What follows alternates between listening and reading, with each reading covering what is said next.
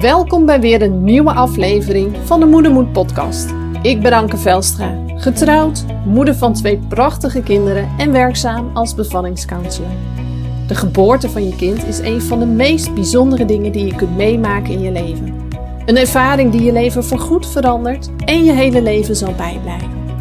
Juist daarom is het belangrijk dat je met een goed gevoel op je bevalling kunt terugkijken. En dat is ook wat ik iedere vrouw gun. Helaas is bevallen niet voor alle vrouwen één grote roze wolk. En als er één ding is wat deze vrouwen met elkaar gemeen hebben, dan is dat dat ze zich enorm eenzaam voelen in hun ervaring. Met de Moedermoed podcast wil ik voor deze vrouwen een plek van herkenning creëren door het delen van verhalen van moedige moeders over bevallingen die anders liepen dan verwacht. Expert-interviews en tips en inzichten vanuit mijn werk als bevallingscounselor en als ervaringsdeskundige. Ik wens je veel luisterplezier, herkenning en mooie inzichten toe.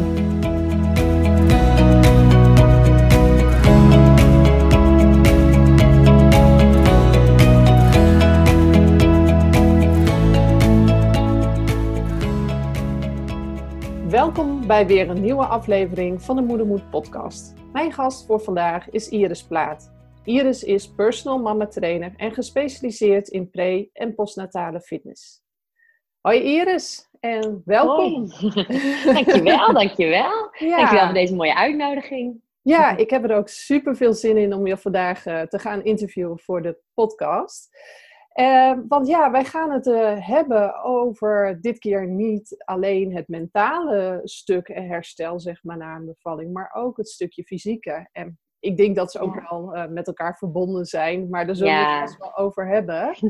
Zeker. En ja, ik heb jou eigenlijk gevraagd voor dit interview, omdat ik gewoon hoorde bij alle vrouwen die ik heb begeleid, dat uh, er dus ook wel vragen zijn op het uh, vlak van fysieke herstel. En dat werd eigenlijk bevestigd toen ik vlak voor deze podcast-opname een vraag uitzette in mijn Instagram stories en vroeg van, goh, wat voor vragen houden jullie nou bezig op dit vlak? Nou, kwamen enorm veel vragen binnen over, over het herstel naar een zwangerschap en bevalling. En uh, maak je maar klaar, Iris, want ja. wij, wij, gaan daar straks uh, doorheen in deze podcast. Maar voordat we dat gaan doen, is het misschien eerst wel leuk dat je even kort voorstelt aan de luisteraars. Zodat ze ook een beetje een idee hebben wie je bent en wat je doet. Ja. ja, nou, ik ben Iris. Ik ben 34 en ik heb zelf twee kids. Een van zes en een van twee en ik ben dus inderdaad uh, postnataal, pre- en postnataal fitness trainer. Maar eigenlijk uh, ook moeders die al langer geleden zijn bevallen. En uh, nou ja, zelfs als je helemaal geen klachten hebt en wel weer pittig wil trainen. Ehm, maar ook als je wel nog klachten hebt. Want inderdaad, ja, dat, dat is nog zo. Je bent ooit moeder geworden en het kan zijn dat dat je hele leven lang, dat je dat in fysiek in je lichaam nog voelt. Dus ja, um, ja dat is zo'n belangrijk moment. Uh, want soms heb je helemaal geen klachten, kan het ook weer bij de, de menopauze wel weer komen. Dus ja, echt het moederlijf is, heeft echt aandacht nodig. En um, nou, dat doe ik dus in middel van één op één trainingen en groepstrainingen. En op dit moment vanwege de corona, ja, ik ben natuurlijk de fitnessbranche, dus ik heb zelf geen, ik, geef, ik heb geen studio, ik heb geen eigen gym. Mm-hmm. Dus ik geef vooral buitentrainingen als het offline is. En daarnaast is online, en dat is nu iets wat ook steeds meer aan het groeien is. En ja. ik vraag heel erg aan iemand van, nou, hè, waar voel je het? Hoe voelt het? Wat gebeurt er? En daardoor merk ik ook wel dat het toch ook best wel heel erg oké okay is als iemand op afstand met mij werkt. Uh, dus juist de feedback die iemand geeft, daar, dat gebruik ik. Ja, ja. Ja, dus, nou ja dat, is, dat is natuurlijk ook een kracht. Dat je eigenlijk via een online verbinding uh, echt verbinding kunt maken en op die manier ja. Werken. Ja, dat is super. Ja. Ja. Soms ja, een beetje noodgedwongen, ja. hè? Ja, nou inderdaad. Ja, dat is dus een beetje... Ik ja. heb mijn uh, groepen heb ik eens om moeten zetten naar online. Ja. Het mooie daarvan wel is dat heel veel dames in één keer van andere gebieden in Nederland ja.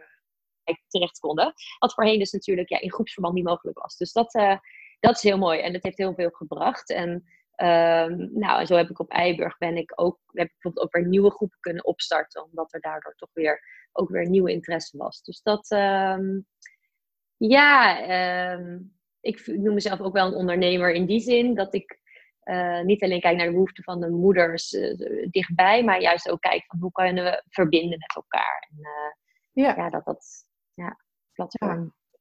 Mooi. Dus, ja. ja.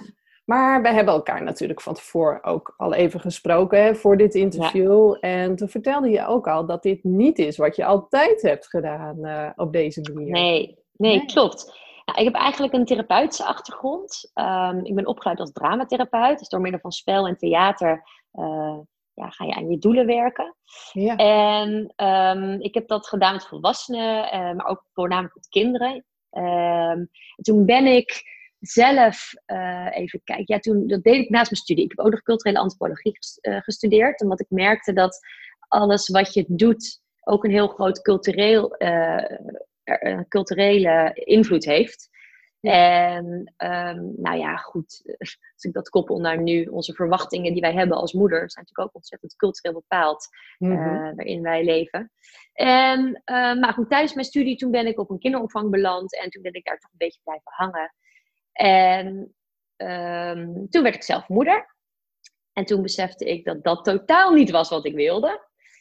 En toen Ehm, nou ja, want het was namelijk zo dat ik was dus zelf moeder geworden van een klein babytje. En ik werkte toen op een groep van 0 tot 3 jaar. Dus ik bracht mijn baby naar de buren en ik ging vervolgens zorgen voor allemaal andere kindjes. En, toen, en ik vond het heel erg wennen om moeder te zijn. Mm. Verantwoordelijkheid, uh, hè, want waar ben jij dan op dat moment? En vervolgens moest ik ook nog zorgen voor zoveel meer kinderen. Dus ik, de verantwoordelijkheid die was wel heftig. Ja. Uh, zelf midden in mijn eigen herstel. Nou, fysiek is het natuurlijk ook zwaar. Dus uh, om, om zo ja, fysiek met andere baby's bezig te zijn, andere kinderen. En toen merkte ik van nee, dit is totaal niet wat ik wilde. En wat ik nu wil. En toen ben ik gestopt daarmee. En vervolgens toen moest ik echt weer een beetje onderzoeken van, maar wat wil ik dan wel? Wat is mijn verlangen? En ja. ook als draamtherapeut was ik toen, uh, toen was ik inmiddels al wel gestopt als draamtherapeut. En toen ben ik trainingen gaan geven via Mom in Balance aan zwangere moeders en moeders die net zijn bevallen. En toen voelde ik, ja, dit is precies wat bij mij past. En vroeger was ik turntrainster, dus het kwam niet helemaal uit de lucht vallen. uh, en toen kwam er ook dat ik zei, oh wacht, toen werd weer een beetje dat, uh, ja, dat, dat, zaadje geplant eigenlijk. En naarmate ik uh, dus die training gaf, daarnaast was, werkte ik nog wel de kinderopvang, maar met iets oudere kinderen en toen was het op een gegeven moment van nee, weet je, dit, uh, dit, is, dit is precies wat ik moet gaan doen. En juist de combinatie met dat ik eigenlijk als coach werk en weet hoe het is om als moeder zo ja, heftig te kunnen ervaren. En, en, en ja, de ingang van het lijf is voor mij de manier om echt even in te tunen bij jezelf. En ook te mhm. bouwen weer aan jezelf. Letterlijk en fysiek weer bouwen aan alle, alle, alle spieren.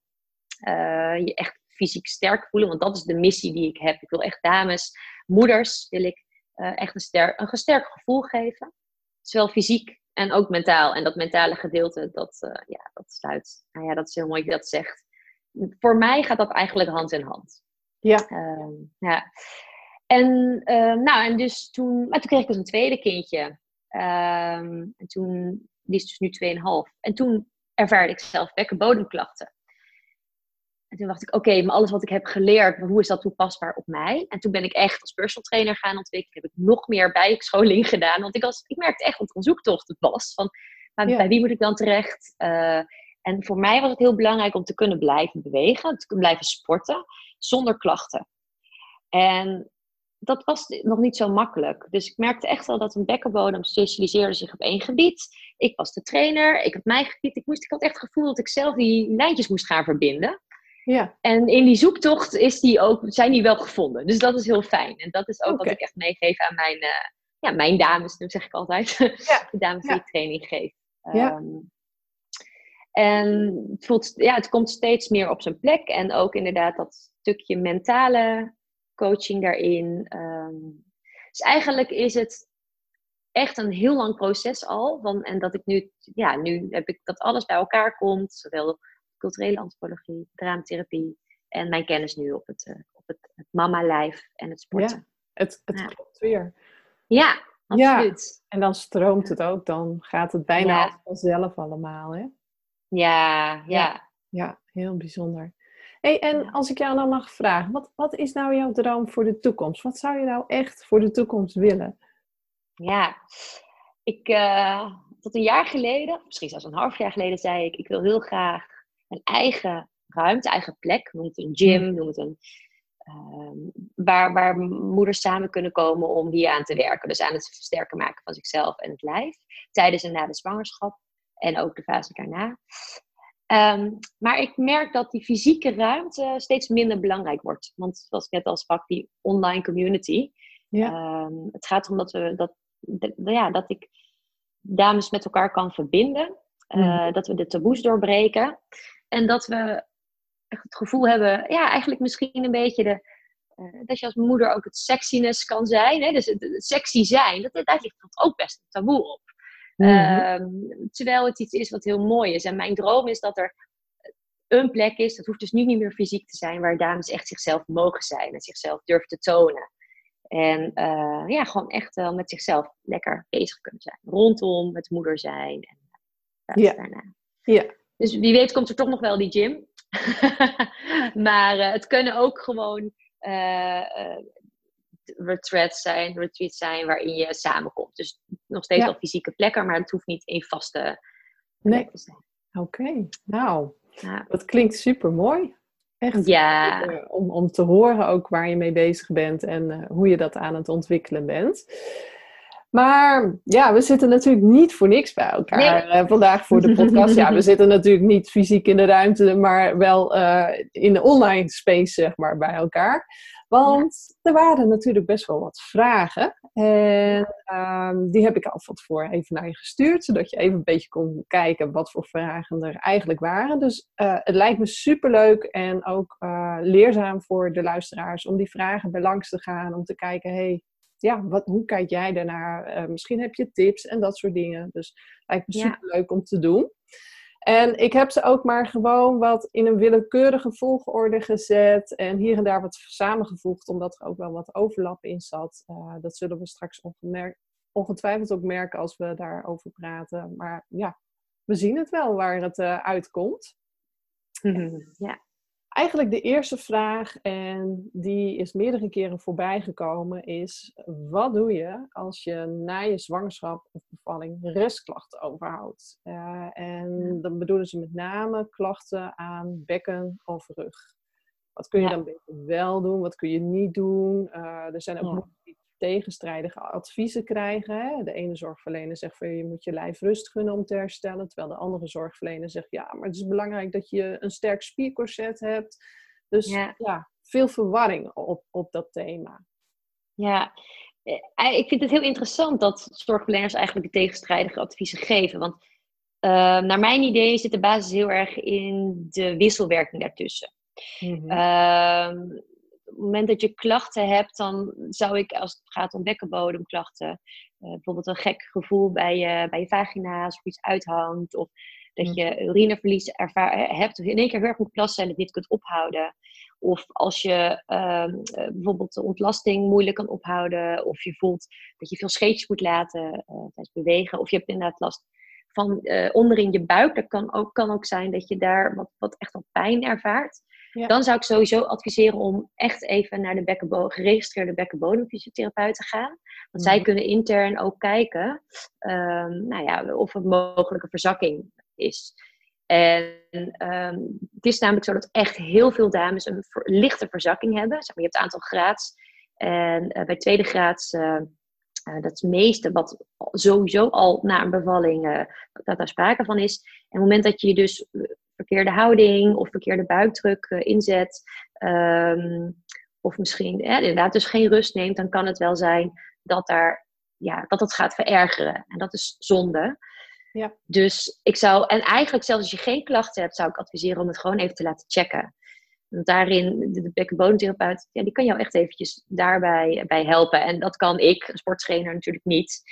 Um, dus wat ik doe is als mensen bij mij komen dan inderdaad en dit soort klachten ervaren, wel doorverwijzen.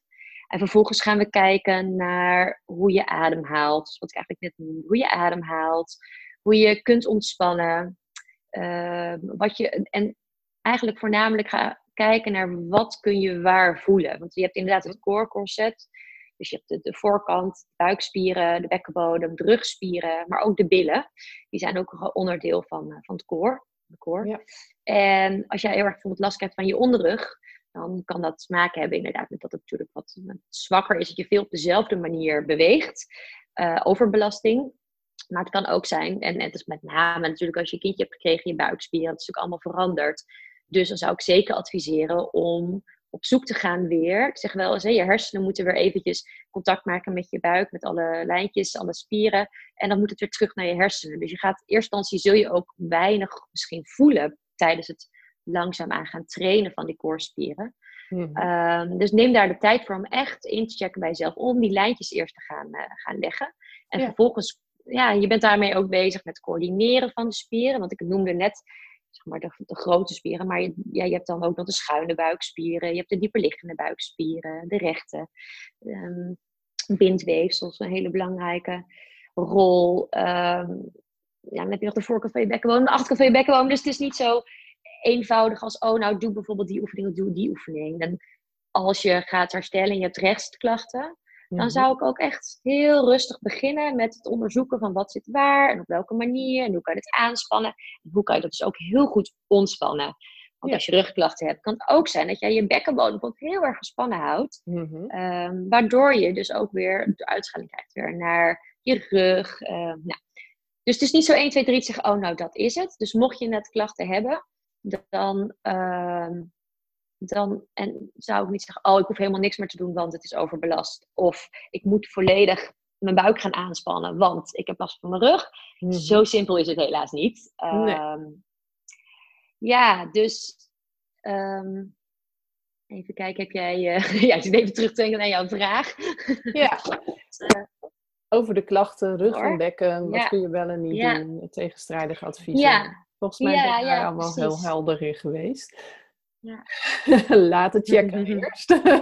ja, doe dat. Ja. ja. Ja, en dat het gewoon niet heel makkelijk is om te zeggen: oh, doe dit of doe die oefening. Want het hangt er een beetje vanaf waardoor het wordt veroorzaakt. En nou vind ik het wel mooi om even uh, die andere vraag daarbij te nemen. Want die sluit hier eigenlijk mooi uh, uh, bij aan. Die staat wat verder in mijn rijtje. Dat maakt niet zoveel uit. En want we hebben het net al even een beetje over de bekkenbodem ook gehad. Want daar was ook een vraag over. En dat is natuurlijk best een taboe onderwerp bij heel veel vrouwen nog. Ja. Want ja, zo'n bevalling doet gewoon wat met die bekkenbodem. Um, De vrouwen die ik veel spreek en, en, en help in mijn werk, die hebben ook vaak daar een knip gehad of een behoorlijke ja. scheur gehad. Dus hè, die, die bekkenbodem heeft echt ook schade geleden uh, door de bevalling. Um, en ja, er wordt niet zo makkelijk over gepraat. Maar als je dan wilt gaan sporten en je, en je, en je bouwt dat weer op. En dan kom je er ineens achter van, oh shit, ik hou het gewoon niet droog. Ja. Ja, hoe ga je daar dan mee uh, om op zo'n moment? Uh, ja. Het, het, kan het plezier ook wegnemen, lijkt mij, om te gaan sporten als je bang bent om urine te verliezen. Absoluut. En eigenlijk heb je daarin ook meteen een stukje op het moment dat je gespannen bent, mhm. ehm, ja, dan ga je je bekkenbodem ook wat vaker aanspannen, wat verkrampen. En je kunt verschillende vormen hebben. Je kan een verslapte bekkenbodem hebben, um, hè, waardoor echt die spieren getraind worden. Maar vaak is het heel erg zo dat je een gespannen, uh, zwakkere bekkenbodem hebt. Dus dan zit er al heel veel spanning in je bekkenbodem. Als er mhm. dan tegen je gezegd wordt, nou, ik ga hem trainen, dan ga je vaak denken aan de kegels bijvoorbeeld, precies. Nou, wat gebeurt er? Dan wordt het nog erger. En op het moment dat hij gespannen is uh, en je wilt springen, wat je eigenlijk zou willen, is dat je bekkenbodem even kan aanspannen om die sprong op te vangen en dan weer los te laten. Maar dat kan niet, want dan is er al de bekkenbodem zo gespannen dat hij dat kleine beetje, zo dat hop, ja, dat lukt, dan, lukt dan al niet. Um, dus op het moment dat je merkt dat dit dat dit gebeurt ehm, en je ervaart het, dan is het, ja, ik zou echt toch weer opnieuw die hulp daarbij inroepen. Van wat, mhm. kan je, wat kun je doen? Nou, op het moment zelf, als jij het vaker hebt, je wil wel lekker blijven sporten, ga gewoon lekker even een, doe een uh, Tena Lady in. Of soms kan een tampon ook heel goed helpen, want dat houdt ook als ware je baarmoeder wat, wat omhoog. Dus als je mhm. wat gevoel hebt van, oeh, ik voel dat het wat, uh, ehm, wat zakt tijdens het sporten, dan kun je het ook even met een tampon. Je hebt er ook speciale tampons voor. Ehm, en dan kan het zijn dat je daardoor al iets meer je bekkenbodem durft te ontspannen. En merkt dat het daardoor wat meer verdwijnt. Ehm, dus dat kan niet zijn. Maar je kan tijdens het sporten zelf ook al voor kiezen om de hoge impact oefeningen eigenlijk ja, te vermijden of te verminderen. Dus dat je mhm. zegt in plaats van die flinke kikkersprong die er van je gevraagd wordt tijdens de bootcamples, is dat je zegt, nou in plaats van dat zet ik bijvoorbeeld met één been af en kom ik met twee benen meer. Dus daarin, of ik doe een stap squat bijvoorbeeld. Ja. Ehm, zodat je toch lekker bij, ja, gewoon lekker door kan blijven gaan en daar mhm. minder bang voor bent. Ja. En ik weet, weet je, ook, ik herken het natuurlijk zelf ook. We willen gewoon heel graag weer meedoen en we willen er weer eh, aan. Ik ben ook het type aanstaan en gaan en hoppa. En dus mijn klachten kwamen ook voort uit de gespannen bekkenbodem. Eh, mhm. en nog steeds, als ik stress ervaar, dan gaat daar. Denk ik, ja. oh, is dat maar? Check, check, ja. dus dan, uh, um, dus het is heel fijn als je eigenlijk, ik zou bijna zeggen, zie het als een kans om te gaan ontdekken wat jij nodig hebt. En om echt ervoor te gaan staan van, oh wacht, hé, hey, luister naar mijn lijf. Wat heb ik nu nodig? Ja. Ehm, ik denk dat dat heel mooi is. Dus naast dat je natuurlijk een aantal aanpassingen kunt doen. Dus je kunt ook bijvoorbeeld denken aan ehm, een, een, plank. Dat als je heel veel een plank doet, dan komt er heel veel druk. Uh, je zet vaak de buikspieren, de buikwand zet je heel erg uh, vast. Mm dat kan heel veel druk op de bekkenbodem geven. Als je bekkenbodem te zwak is, dan kan hij niet mee met de rest. Dus dan gaat het daar verslappen. Ehm, nou, dan zou je ervoor kunnen kiezen om bijvoorbeeld wat hoger te doen, de plank. Dus dan heb je minder die buikdruk en dan heb je minder uh, dat de bekkenbodem wat ja, te zwaar heeft om het op te vangen. En vaak zie je toch wel dat dames zeggen, oh, maar dit kan ik wel, want hè, dit kon ik vroeger ook. Of, mhm. of ik wil dit heel graag. En dan toch door blijven gaan in die plank. En dan toch de volgende dag, vaak is het de volgende dag, daar dan last van krijgt. Ja. En dat kun je bijvoorbeeld merken door heel vaak te moeten plassen of uh, uh, ja, heel, pijn in je onderbuik bijvoorbeeld. Ja. Dus ja, dus wat je kunt doen is op het moment zelf zou ik echt wel gewoon gaan aanpassen. Zeg tegen jezelf, wacht, ik ben belangrijk en het is voor mij belangrijk dat ik even dit stapje terug doe. Ja. Uh, en dan wat minder, bijvoorbeeld om het squatten, diep, minder diep te squatten bijvoorbeeld. En daarna zeggen van oké, ik wil hier wel echt graag iets meedoen. Uh, en dan een, nog een specialiseerde of specialiseerde sporttrainer. Kan je natuurlijk ook inschakelen. Of toch weer even terug naar die bekkenbodem, fysiotherapeut. dus die ja. Dat, uh, ja. ja.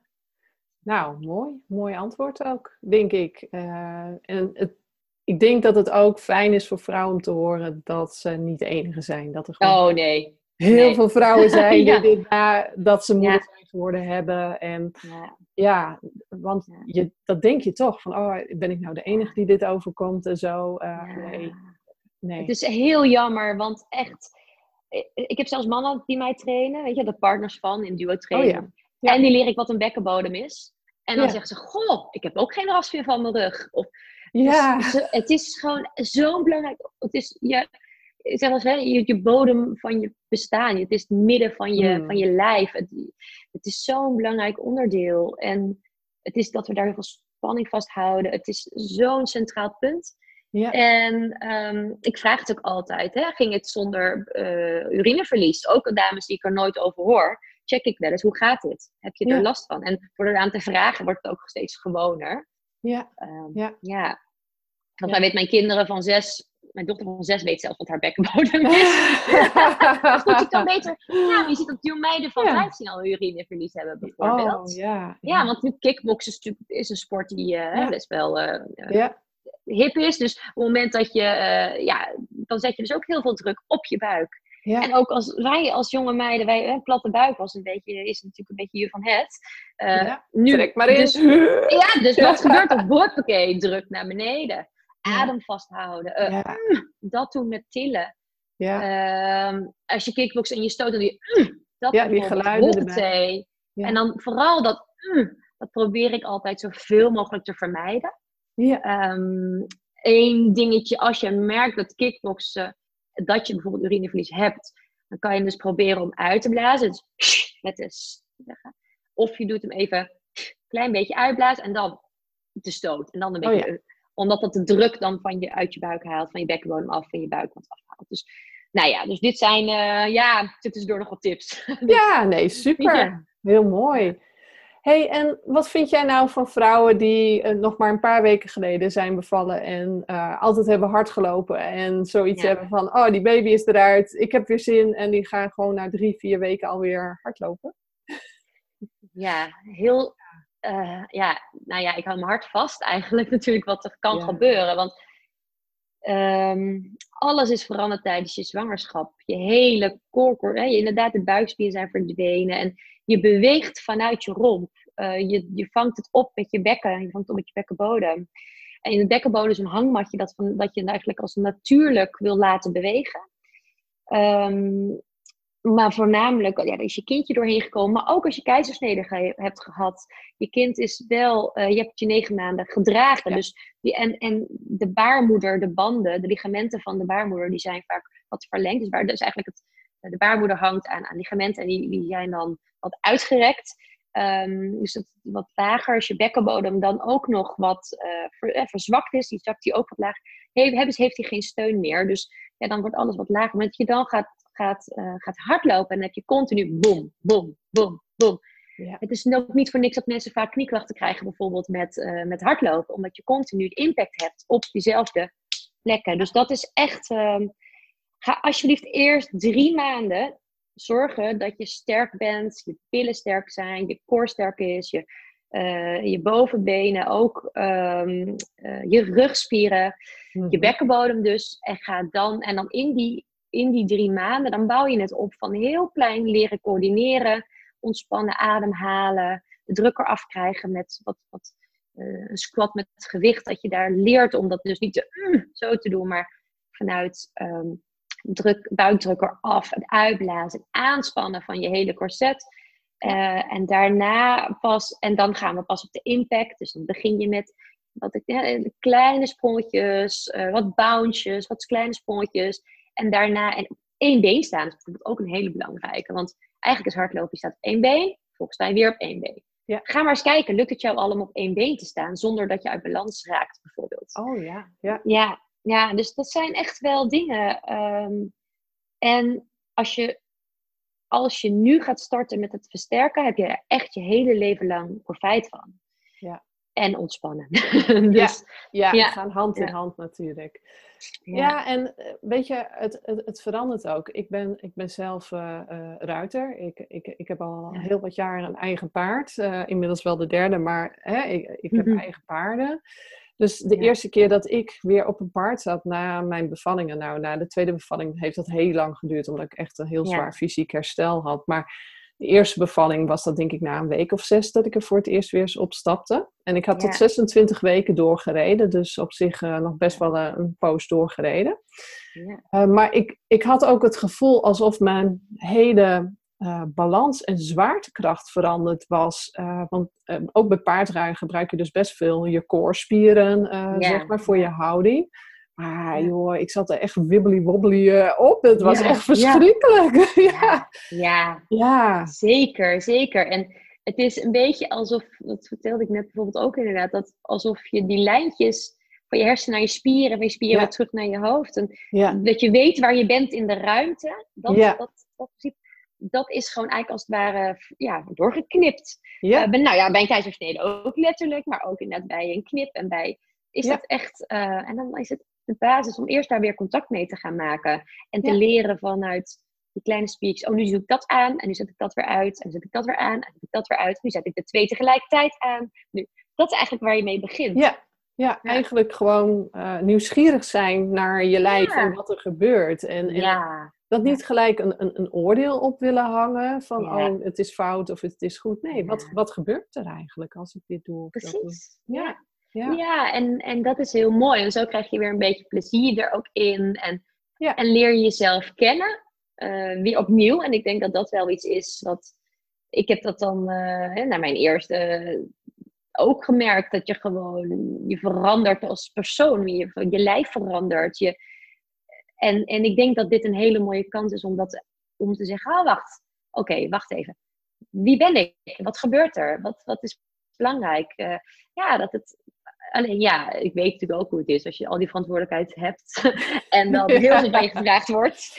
En dan moet je even snel dit en dan moet je even snel dat. En dan, uh, ja, dus. Ehm, nou, daar zat ook nog een vraag op van iemand. Zo van, uh, ja, ik weet dat het heel goed is voor mij om te gaan bewegen. Mhm. En ik zou het ook heel graag wat meer willen doen. En tegelijkertijd merk ik ook als moeder van jonge kinderen dat het mij ook wel ontbreekt aan tijd en energie. Hoe, hoe ga ik dat inpassen in een druk leven als, als moeder?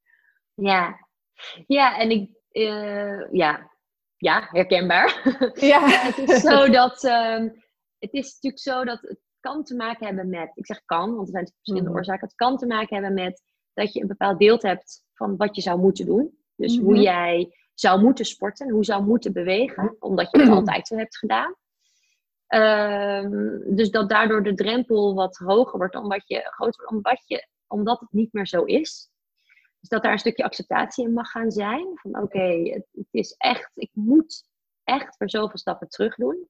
En dat brengt natuurlijk ook emoties en frustraties met zich mee. En dat is, ja. en dat is denk ik heel oké. want ik denk dat er ergens ook wel een stukje is wat we misschien plaats moeten geven van ik ben niet meer wie ik was. Dat dat daarin speelt. Ehm, en tegelijkertijd is het en ook daarin jezelf dus belangrijk maken. Van, ja. Het is, ik moet echt en hulptroepen inschakelen van ik heb de tijd nodig om dit te doen. Dus jezelf, ondanks dat er heel veel uh, hey, ik bedoel, als je borstvoeding geeft en vooral de eerste fases, je moet daar continu zijn voor je kindje. Uh, Dan heb ik het tijdens het verlof, tot drie maanden, drie, vier maanden. En dan, uh, ja, dan is het vaak zo dat moeders zeggen: Oké, in plaats van dat ik dan, uh, ik moet de was nog doen en ik zie het om, hey, omheen, dan gaan we toch eerder dat doen. Dan dat we dan zeggen: Nee, maar nu de klein ligt slapen, ga ik even zelf werken. Precies. Ja, ja. En dat is denk ik al een heel bewuste keuze. Nou ja, en als je zegt van ik wil het wel, maar ik weet niet goed. Check eerst weer bij jezelf in. Dus ga op zoek naar je verlangen. Van wat wil ik heel graag? Wat, is, mhm. wat is wat ik werkelijk wil? En, door, en dat kun je vaak vinden door uh, even de stilte op te zoeken. Uh, rustig adem te halen. Nou, toevallig is dat ook stap 1 van core training, dus dat is mooi. Ja. Ehm, en dan onderzoeken van, wil ik tijd voor me? En dat ook voor jezelf visualiseren. Van, ik zie mhm. mezelf bijvoorbeeld... Nou, stel je, bent, je hebt altijd hard gelopen. Visualiseer voor jezelf weer van hoe je dat voelt als je hard loopt. Ja. En uh, maak voor je, misschien vind je het heel fijn om daar een stappenplan voor jezelf te gaan maken. Van oké, maar wat heb ik dan nodig om over een half jaar, want waar je wel even de rekening mee moet houden, is dat de meeste moeders gaan zich na een half jaar iets beter voelen. En dan soms pas na een jaar van, oh, ik begin mezelf weer te voelen. En ja. ik hoor van hele sterke moeders, die fysiek heel sterk zijn, ook zeggen na anderhalf jaar pas, oh wacht, maar nu voel ik me pas echt. Dus het, is bijna, het zijn echt fases. Dus hou daar ook rekening mee in je plan. Dus ga niet die halve marathon lopen over een half jaar. Nee. Uh, neem de tijd. Neem ja. echt de tijd. Ja. Dus dan wordt de drempel misschien ook niet, heel groot, heel, niet zo hoog als dat je hem in eerste instantie had uh, gelegd. Nee, en het heeft denk ik ook voor een stuk te maken met hoe belangrijk vind je jezelf. Uh, want moeders zijn natuurlijk heel mhm. erg goed in alles en iedereen belangrijker vinden dan zichzelf. Dus zetten zichzelf vaak op de laatste plaats. Ja. En als je je beter in je lijf en je vel wil uh, voelen, is het ook belangrijk dat je jezelf zo nu en dan op de eerste plek zet. Van ja, ik kan goed voor een ander zorgen als ik ook goed voor mezelf zorg. Precies, ja. Dus ik denk dat dat ook wel meespeelt. En daarnaast ook het beeld van, ja, vroeger ging je misschien een uur achter elkaar sporten. Dat is misschien mhm. nu zeker in het begin niet een haalbare kaart. Uh, Maar wat kun je in een kwartiertje doen? Uh, ja, absoluut, absoluut. Nou, als ik heel eerlijk ben, als ik, ik, ik ben nu zogenaamd een moeder met wat oudere kids. maar ja, hè, als je het hebt over de, de, de fase van de ja, ja. dat heb ik niet meer. Nee. Maar ik sport ook niet meer als vroeger van zoveel in de week. En uh, wat ik wel doe, is ik pak mijn momentjes. Mhm. En het voordeel is natuurlijk, ik weet wat ik kan doen. Dus dat maakt het natuurlijk wat makkelijker. Ja. Um, maar daarvoor zijn bijvoorbeeld de, de workouts die ik geef, ook voor thuis, zijn vaak uh, kleine blokjes tot een half uur. En het zijn blokjes van verschillende. Uh, het zijn verschillende blokjes. Dus je, je gaat ook echt leren om zelf in te plannen voor oh wacht, vandaag heb ik dit nodig, vandaag heb ik dat nodig, wordt dat wat intensiever, hè, wat intensief voor jou op dat moment betekent. Ehm, of is het eventjes terug naar de basis en een mobiliteit en stretch, of maar als dat al voor jou een gewoonte wordt, je zegt één, ik ga, voor, ik ga dat proces in om echt te ontdekken. En ik neem die momentjes en dat is een kwartiertje hier en een kwartiertje daar. Dan ben je echt goed bezig met je herstel. Van je hoofd, je lijf en ja, ja. alles. Ehm, ja. En je kunt natuurlijk ook een deel combineren. Ik, ik, hè, na mijn tweede bevalling moest ik fysiek echt van heel ver weg komen. Dat hebben wij samen al besproken. Maar voor de luisteraars die het niet weten, uh, ik ben negen weken bedlegerig geweest na de bevalling. Ik heb uh, vier maanden thuiszorg nodig gehad om uh, te helpen met douchen en aankleden. Dus nou ja, dan heb je wel een beetje een beeld waar ik vandaan kwam na de bevalling. Um, maar goed, op een gegeven moment moest ik gewoon wel weer. Ik wilde het ook. Ik wilde me fysiek weer sterker gaan voelen. Ik was echt zo slap als ik weet niet wat. En uh, dus ik ben, ik ben gewoon, gewoon gaan wandelen. Echt. Ik, ik, heb, ik heb mijn zoon uh, in de kinderwagen gegooid. nou ja, net niet gegooid. Maar, en ik ben gewoon gaan wandelen. En eerst, de eerste paar keer was dat alleen een rondje om ons blok huizen heen. En uh, dat heb ik jou ook verteld. Had ik een, een, een Fitbit gekocht, een stappenteller. Ehm, die mij moest beschermen dat ik niet te veel ging doen, want dat zit een beetje in mijn aard. Dus dan zei ik tegen mezelf: deze week mag ik per dag maximaal 3000 stappen zetten. Hoe ga ik dat verdelen over de dag? Ja. En dat je dus eigenlijk het omgekeerd gebruikt van hé, hey, we streven niet naar zoveel mogelijk stappen, maar nee, hoe kan ik me begrenzen? Um, ja, precies. Ja. Dus kijk ook van wat, wat is mogelijk, uh, hè, maar ga niet stilzitten, ga wel wat doen. Absoluut. ja. Zeker. En het zijn inderdaad de kleinere dingetjes. Um, zo grappig, ik heb afgelopen week een challenge gedaan. En de mhm. eerste vraag is van, ga wat meer bewegen? De tweede vraag is eigenlijk van, maar hey, welke intentie? Dus wat is je verlangen? Dus ga eens bewegen vanuit dat verlangen wat je hebt. Um, nou, daarna komt er uiteraard natuurlijk een core workout. En dat voelt meer, meer gericht op je hele lijf. Maar juist dat soort dingetjes vanuit... Vaak gaat het niet zozeer om wat je doet, uh, maar wel hoe je het doet. Dus hoe de intentie. En ja. uh, natuurlijk heeft het ook wel te maken met wat je doet. Dat is natuurlijk altijd een bepaald stappenplan en train dat en doe dat. Alleen als je zegt ik wil beginnen, als jij, er zijn een aantal dingen waar je echt gewoon op moet letten tijdens dat je beweegt en dat je wat doet. Uh, hè, dus inderdaad pijntjes, maar dus ook wat ik net benoemde met het, het, het urineverlies, het gekke gevoel. Maar ook in uh, de buikwand bij de aan de voorkant dat er een puntje ontstaat of een druk ontstaat bij de, nou ja, de diastase. Ja. Daar gaan we het ook nog over hebben. Um, en, en, uh, maar ook wat, hè, dat wordt ademig of dat je benauwd wordt. En dat zijn wel dingen waar je op moet letten. Maar verder, ga, ga lekker dansen in de, in de kamer, inderdaad. Uh, ga um, met je kindje wat doen daarin. Dus ja, dat, dat, dat zeker. Ehm, en dan vanuit, als jij weet waarom je dit dingen doet. Mhm. ja. ja. Maar inderdaad, wat je zegt, je kan dus zeker veel en veel te veel doen. Want we hebben wel slapeloze nachten. Ja. En we hebben wel, dat kan echt tot lang duren. um, en inderdaad, uh, de hormonen hebben we nog in ons lijf. Echt ook echt nog lang. Dus ja. uh, het is niet voor niks dat de dames zeggen, ik pas na een jaar ga ik pas, kom ik weer een beetje terug op het niveau wat ik had. Ja. En, en hou daar rekening mee, want het is goed om te bewegen. Het is heel goed om je hartslag wat hoger te brengen. Mm voor je, ook voor je brein en voor de stofjes die vrijkomen. Maar het is ook goed op het moment dat je hartslag continu hoog is. En in mm. stresssituaties waarin je misschien een huilbaby hebt. Of eh, ik bedoel, laten we het even hebben over eh, de relatie met je man, die is ook veranderd. En dat daar wat, wat strubbelingen kunnen zijn. Dat hij daardoor stress uh, voelt. Of je bent weer aan het werk en er gebeurt heel veel. Um, ga dan niet als een malle sporten. Want nee. er komt veel cortisol vrij. En dat heeft echt effect op uh, ja. hoe je... Ja, ja. ja. I know. Dus ook met sporten. Ja. Ja. Ja. ja. Dus soms is het heel goed om te zeggen, ik pak inderdaad die Fitbit en ik ga dus minder doen. Ja. Ik ga minder lang op mijn benen staan. Ik ga maximaal twee, uh, ik ga maximaal zo lang lopen. Ik ga liggen, liggen, liggen. Ademen richting de bekkenbodem. Ontspan de rug. Ja. Schouders. Ja. ja. Ja, heel mooi.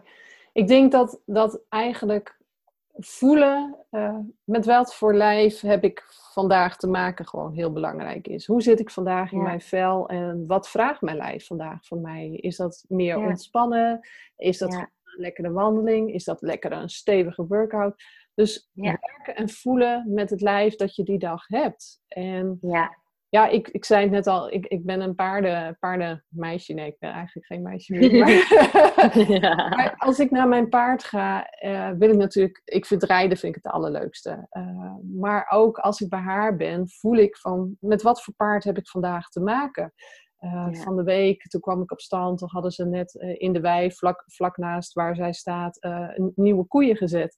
Die nogal uit een plaat waren gegaan. Nou, niet alleen de koeien, maar ook de paarden gingen dus enorm uit een plaat. Dus daar zat ja. best nog veel stress en alles in het lijf. En toen dacht ik van ja, ik kan er nu wel gaan opstappen, maar mijn paard is al een beetje een, een angstig dier. dat is heel gevoelig voor stress en voor druk. Maar wat voor soort rit ga ik hebben? Dat ga ik niet doen. Ik ga gewoon lekker grondwerk doen. Ben ik ook in beweging? Is zij in beweging? We werken aan ons vertrouwen en de verbinding. En het is ook oké. Dus zoals ik, denk ik, voel elke keer als ik bij mijn paard ben. Wat voor, met wat voor paard heb ik vandaag te maken? En als ik twijfel, ga ik bijvoorbeeld eerst wat grondwerk doen. En als het dan goed voelt, stap ik erop. Uh, maar soms ook niet. En ik denk dat je ook zo naar je lijf moet kijken. hey, wat voor lijf heb ik vandaag mee te maken? Uh, zit mijn menstruatie er bijvoorbeeld aan te komen, voel je je vaak weer heel anders uh, dan, dan uh, wanneer je rond de ijsprong bijvoorbeeld zit. Ja. Noem maar. En, en als je je daarbij aansluit en daar naar durft te luisteren, denk ik dat, dat dat gewoon, dan kun je ook je lijf geven wat het nodig heeft. Precies. Ja, dan hou je het sporten ook vol. Ja. Dan krijg je minder snel klachten door overbelasting.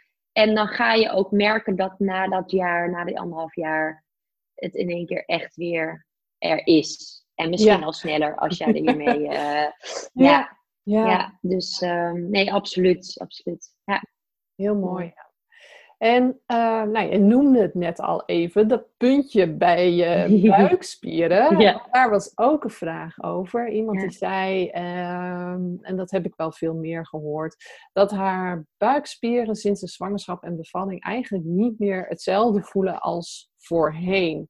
Um, voor het gevoel is het net alsof ze niet meer helemaal bij elkaar zijn uh, gekomen. En jij noemde het ook al net diastase. Uh, een diastase is dat, denk ik. En uh, deze vrouw gaf ook aan van ja, als ik dan oefen, dan geeft het me daarna ook best wel wat spierpijn. Uh, ja. En ze merkt toch ook wel van ja, het oefenen vind ik daardoor ook wel wat spannend. Ik, ik, ja. doe ik er nou goed aan of niet? Ja, ja begrijp ik. Ja. Ja, wat het eigenlijk is met een diastase is, nou, als je zwanger bent, dan uh, heb je je buikspieren, je rechte buikspieren. Die zitten, zijn wat oppervlakkige spieren, die lopen van onder tot boven. En um, je apps, hè, dat zijn je blokjes, om zo te zeggen. En die wijken wat uit elkaar uh, tijdens de zwangerschap. En daaronder, daartussen, daar zit windweefsel. En dat mhm. windweefsel moet je je voorstellen als een soort panty wat uitrekt op het moment dat je buik wat groter wordt. Nou, als je kindje uit je buik, dan gaat meestal gaat het wel weer uh, dichter bij elkaar, komt het dichter bij elkaar. En, um, en dat die panty, dat windweefsel, dat is eigenlijk een heel belangrijk uh, ding. Want um, op het moment dat dat dus niet versterkt, um, dan kan het best wel zijn dat jouw buikspieren best wel goed bij elkaar zijn. Maar als die mhm. dieperliggende laag dan uh, niet sterk genoeg is, kun je bijvoorbeeld alsnog klachten krijgen van je rug, je bekkenbodem of je buik.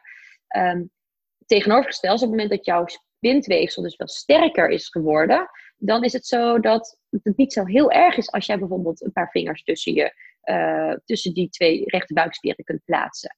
Mhm. Dus um, op het moment dat zij zegt van, goh, ik ben bang dat ik iets verkeerd doe, ik heb pijn. Nou, wat ik als trainer dan zou doen, is echt gaan kijken van, hoe zet jij druk? En hoe activeer je je dieperliggende voorspieren en dat windweefsel? Hoe neem je dat mee?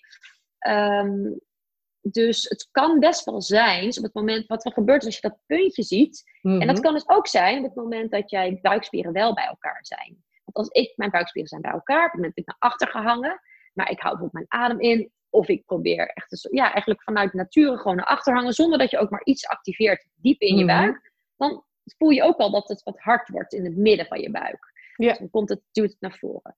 Nou, dus um, wat je moet doen op het moment dat je dat goede manier wil doen, dan ga je dus leren om, je kunt dat even met een klein beetje bekkenbodemlift, dieper liggende buikspieren. Nou ja, dat, leer ik dan uh, de dames aan. En dan trek je als het ware juist alles weer naar binnen. Maar vanuit onderuit lift je het corset en sluit je op die manier. En pak je het bindweefsel ermee en pak je ook. Uh, dus het kan best wel zijn dat als je dat dus niet doet vanuit die diepe liggen, dat er dan dus wat pijn ontstaat.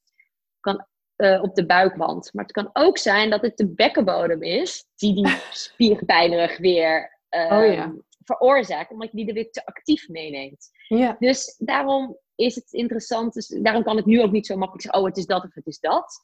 Um, maar, en het kan bijvoorbeeld pijn rond de keizersnede is bijvoorbeeld ook een veel voorkomend. Uh, ja. hoor je ook vaak op het moment dat je met buikspieren aan de slag gaat.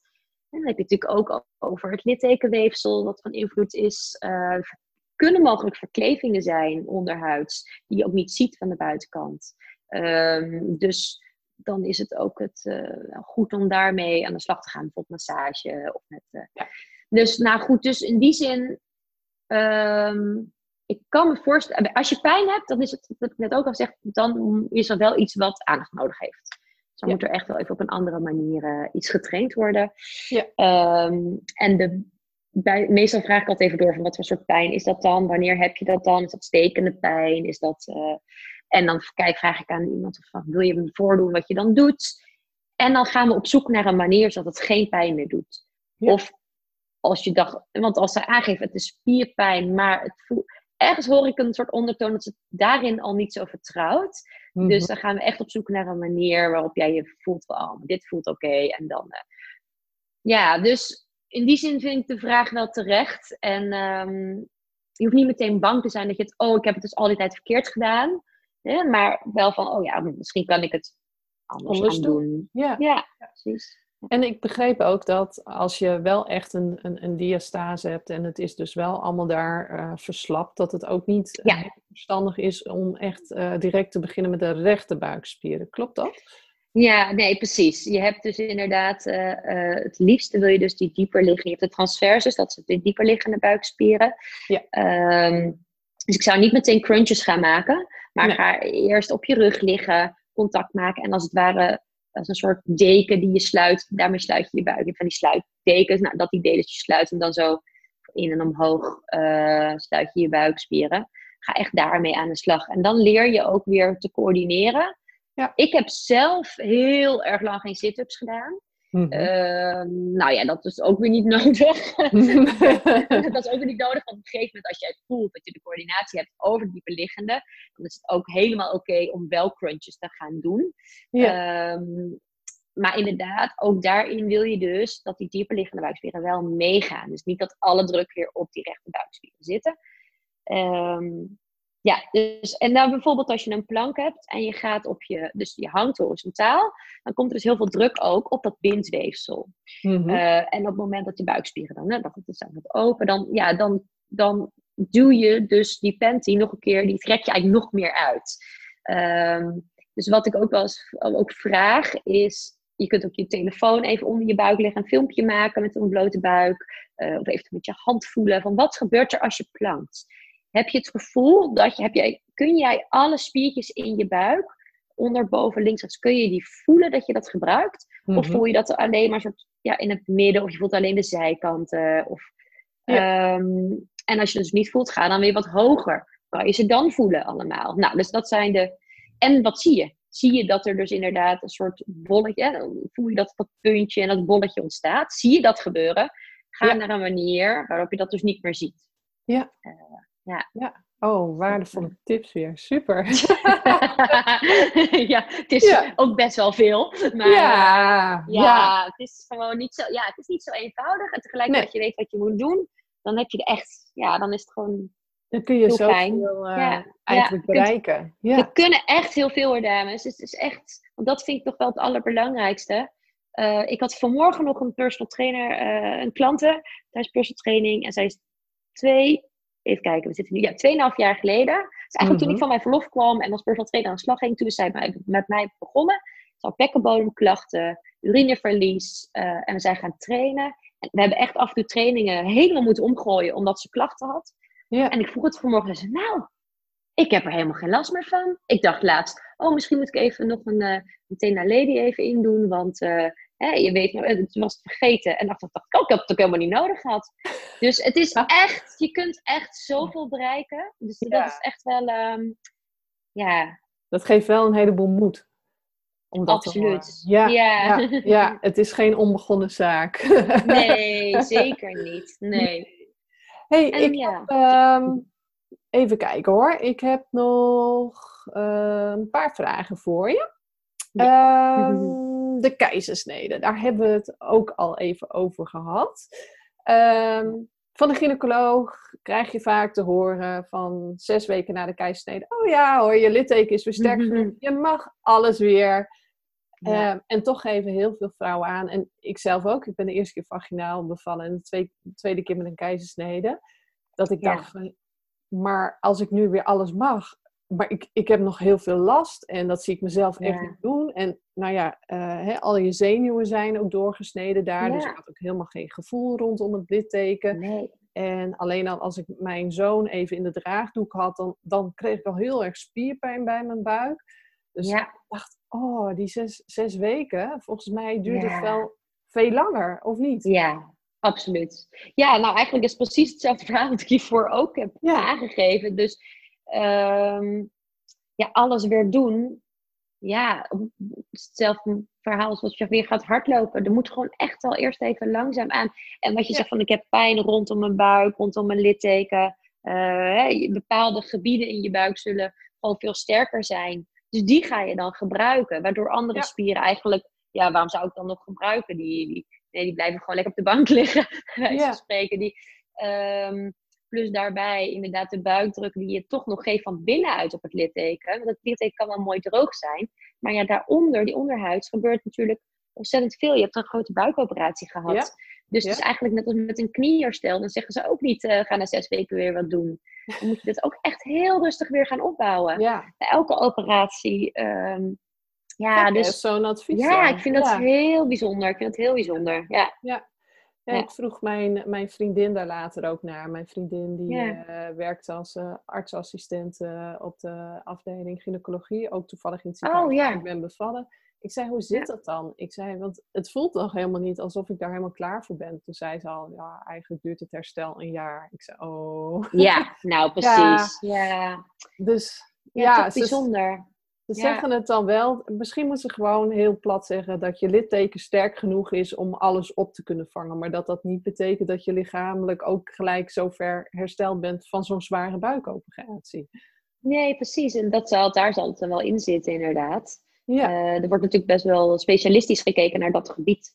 Mm Althans, naar het litteken en hoe het is geheeld. En, uh, maar alles eromheen. Je, je lichaam is één groot schakel van ketens. Uh, een grote keten. Uh, als er iets in je enkel gebeurt, kan dat uit je heupen, kan het met je bekkenboom te maken hebben. Heb je last van je uh, schouder, dan kon het ook weer vanuit je, je koor komen. Ehm, dus het is echt inderdaad, ja, ja, absoluut. Dan heb ik nog een vraag voor je. Een, een laatste luisteraarsvraag. En ehm, eigenlijk zijn het er twee, maar ik denk dat we ze wel kunnen combineren met elkaar. En die heb ik voor het laatst bewaard omdat die een beetje van een andere orde is. Uh, namelijk de vraag wat als bewegen en sporten uh, gevoelens en herinneringen aan de bevalling oproepen. Uh, ja. In dit geval van de vraagsteller waren het oefeningen die rek en druk gaven op de buik. En die deden herinneren aan, de, aan de keizersnede. Maar ik weet bijvoorbeeld bij vrouwen die op hun rug zijn bevallen, op hun rug moesten bevallen en zich op dat moment heel kwetsbaar hebben gevoeld. Ehm, die komen het bijvoorbeeld voorbij bij heupopeners, uh, die we bij yoga wel, uh, wel doen. Hoe ga je daarmee om als je als, je, als sporter die gevoelens bij je oproepen? Want dat is ja. wel een ding. Ja, nou absoluut, absoluut. Nou heb ik dus zelf een therapeutische achtergrond en is, mhm. zie ik sport en beweging ook vaak echt als een manier om ja, ik weet hoe dat gelinkt is. Het gaat echt in je lijf zitten. Ehm, en ik, ik zou zelf zeggen, ga echt naar iemand op zoek bij wie je sowieso heel prettig voelt. En toch wel hier enigszins over kunt praten. Mhm. Eh, ik heb zelf een dame gehad die, heel, die in paniek uh, tijdens, de, tijdens de bevalling in paniek raakte en de hartslag heel erg verhoogde. Dus op het moment dat zij ging hardlopen, opnieuw weer ja. paniek raakte. Ja. Ehm, ik ben met haar, zijn wij echt gaan rationaliseren van wat gebeurt er tijdens het sporten. Nou ja, je, je lichaam heeft uh, meer zuurstof nodig, meer bloed moet er naar over aan toegepompt worden. Dus je hartslag gaat wat sneller. Um, dat is het signaaltje naar je hersenen. Uh, nou, dus we zijn echt op die manier gaan werken. En dus op gaan bouwen, samen gaan lopen. Um, en toen merkten ze dat het, want het kwam met name naar boven als zij bijvoorbeeld naar de bus moest rennen. Dus mhm. dat ze op een gegeven moment merkte, oh wacht, ik kan er nu, ik kan nu, ik heb nu voor mezelf helpende gedachten gecreëerd. En ik voel dat ik er minder angstig van word, omdat ik beter weet wat er gebeurt met mijn lijf. Nou, dat was voor haar een hele, hele fijne manier om mee te werken. Um, maar ik denk zeker, als je op het moment dat jij je daar onveilig bij voelt, dat het ehm, ja, opnieuw weer ook alweer een, kan, een kans biedt. Daar mhm. zit iets wat, ja? Waar jij mee mag gaan werken. En ik zie, ik, ik zeg maar, ik heb dames die ik heel fysiek train, die ik echt daarop op coach. Hè, vanuit, nou oké, wat gaan we doen? het is echt als mhm. trainer. Maar ik heb dus ook dames die ik meer als coach, mij meer als coach inzetten. En dan met dit soort hulpvragen, of wat minder heftige eh, traumatische, maar wel ja, niet ja. lekker in lijf zitten. En dan ga, zet ik eigenlijk zet ik meer het bewe de beweging in om er anders mee om te gaan met jezelf. Met je. Dus dan wordt het meer een middel dan dat het uiteindelijk het doel is. Ja. Um, en dat is natuurlijk op het moment dat jij een sport kiest en het gaat om de beweging, want dat is het doel. En ja, dan is het natuurlijk een andere insteek. Ja. Dus um, ja, maar het, het is um, in die zin is het ook heel, is het heel mooi, is het heel prachtig. En ja, ik begrijp het. Het is onwijs, uh, ja, het is super heftig, want het overkomt je gewoon. Ja, het, ik denk dat dat dan op dat moment een, een, een trigger is, zeg maar. Precies. En ja, triggers kunnen zo breed zijn. Dat kan van uh, de, de parfum van je zorgverlener zijn... tot aan iets wat je hebt gegeten of gedronken tijdens je bevalling... wat weer alles oproept. En in dit geval is dat dus iets mm fysieks. Ja, uh, ja hè, en ja, wat jij zegt, je kan daar met sport mee werken, met rationaliseren. lukt dat niet, ja, dan, dan moet je gewoon toch nog iets met je bevalling gaan doen, denk ik. Precies, absoluut. Ja. Ja.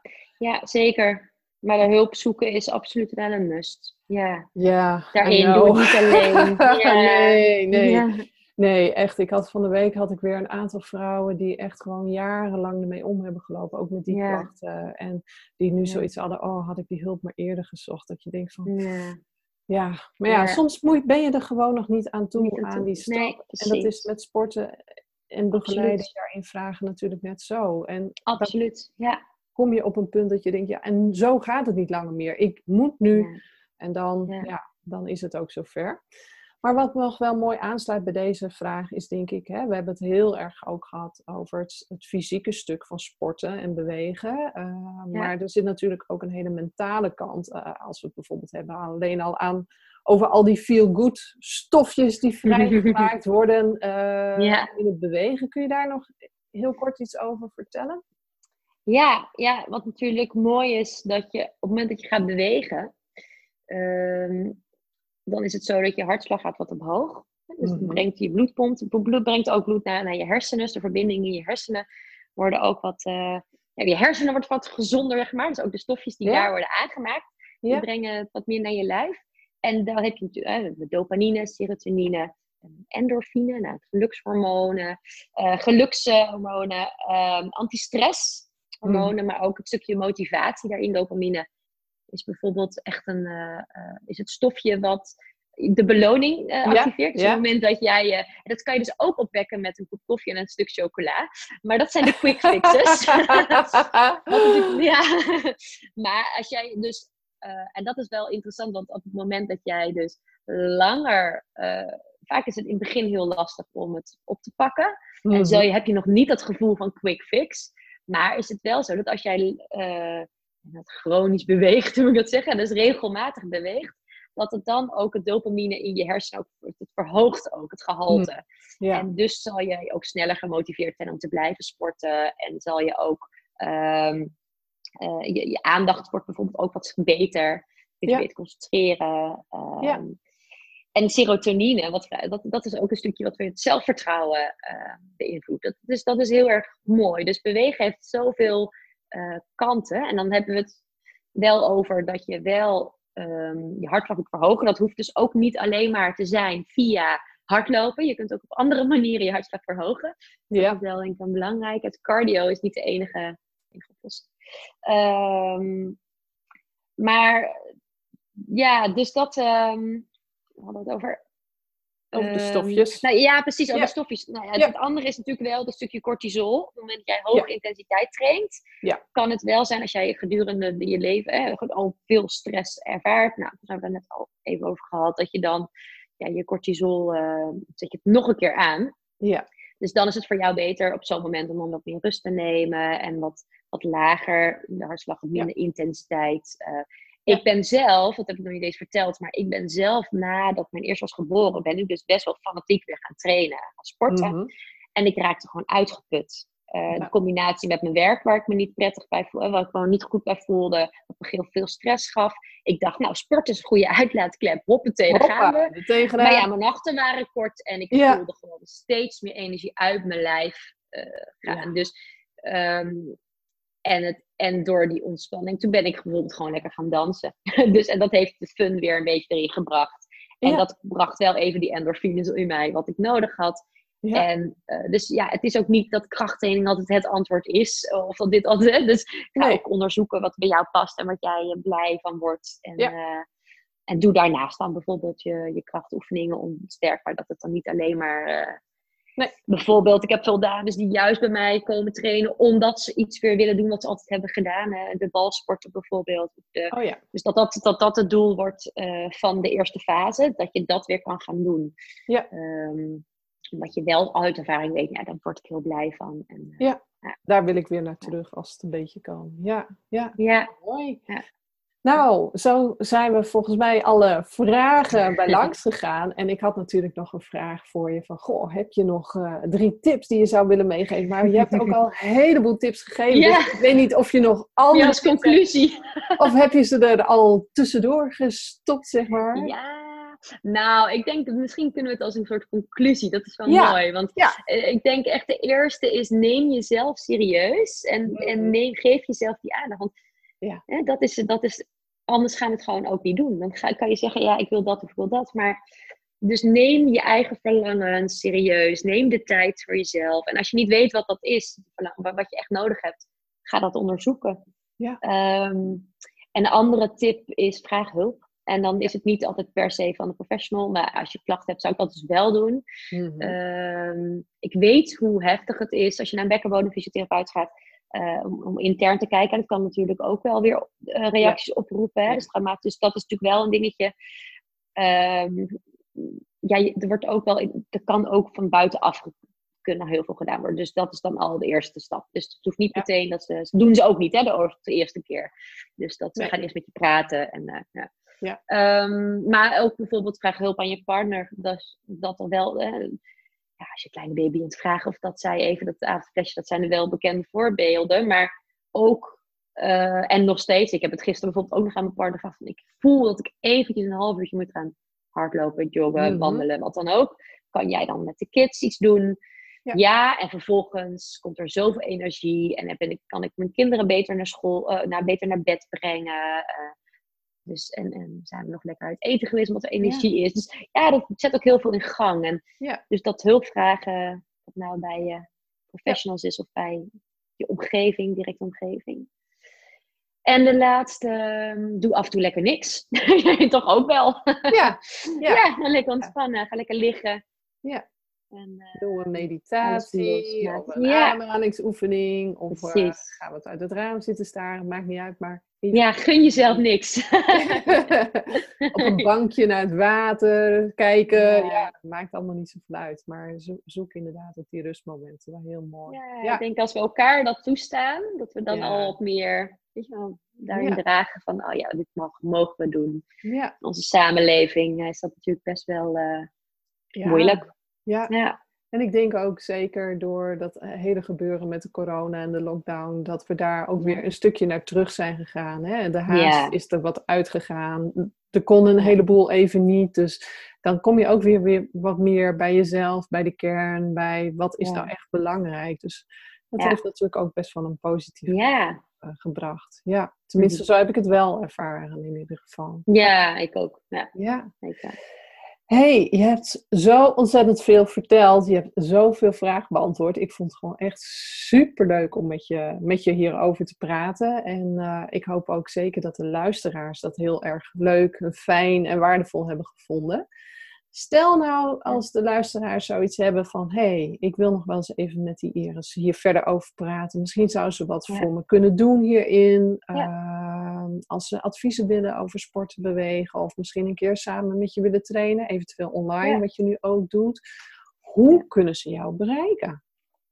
Ja, je kunt uh, naar mijn... Uh, ik denk twee makkelijk zijn. Of je gaat naar mijn website, irisworkouts.com...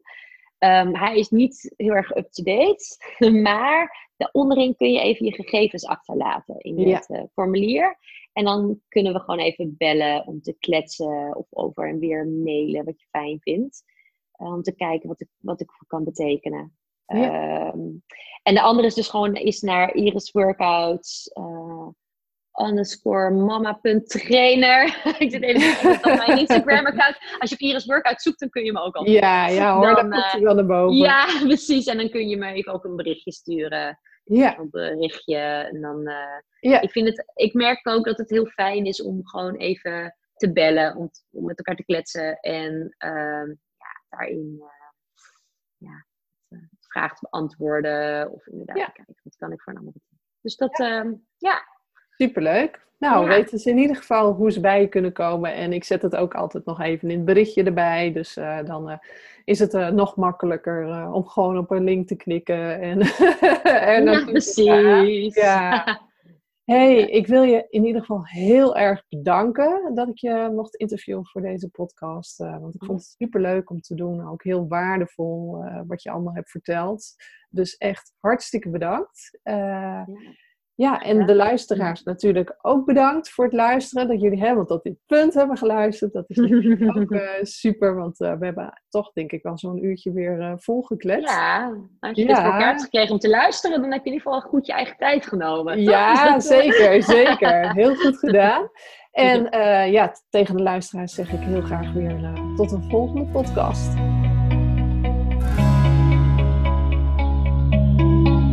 Heel erg bedankt voor het luisteren naar deze aflevering van de Moedermoed podcast. Vond je deze aflevering interessant en waardevol? Maak van deze podcast dan geen goed bewaard geheim. Bijvoorbeeld door een screenshot te delen via social media of stories en mij daarin te taggen, of door een review achter te laten op Apple Podcasts. Daardoor wordt de Moedermoed podcast nog beter gevonden en kan ik zoveel meer vrouwen bereiken en ondersteunen die zich nu eenzaam voelen in hun bevalervaring. Dankjewel alvast en heel graag tot de volgende podcast.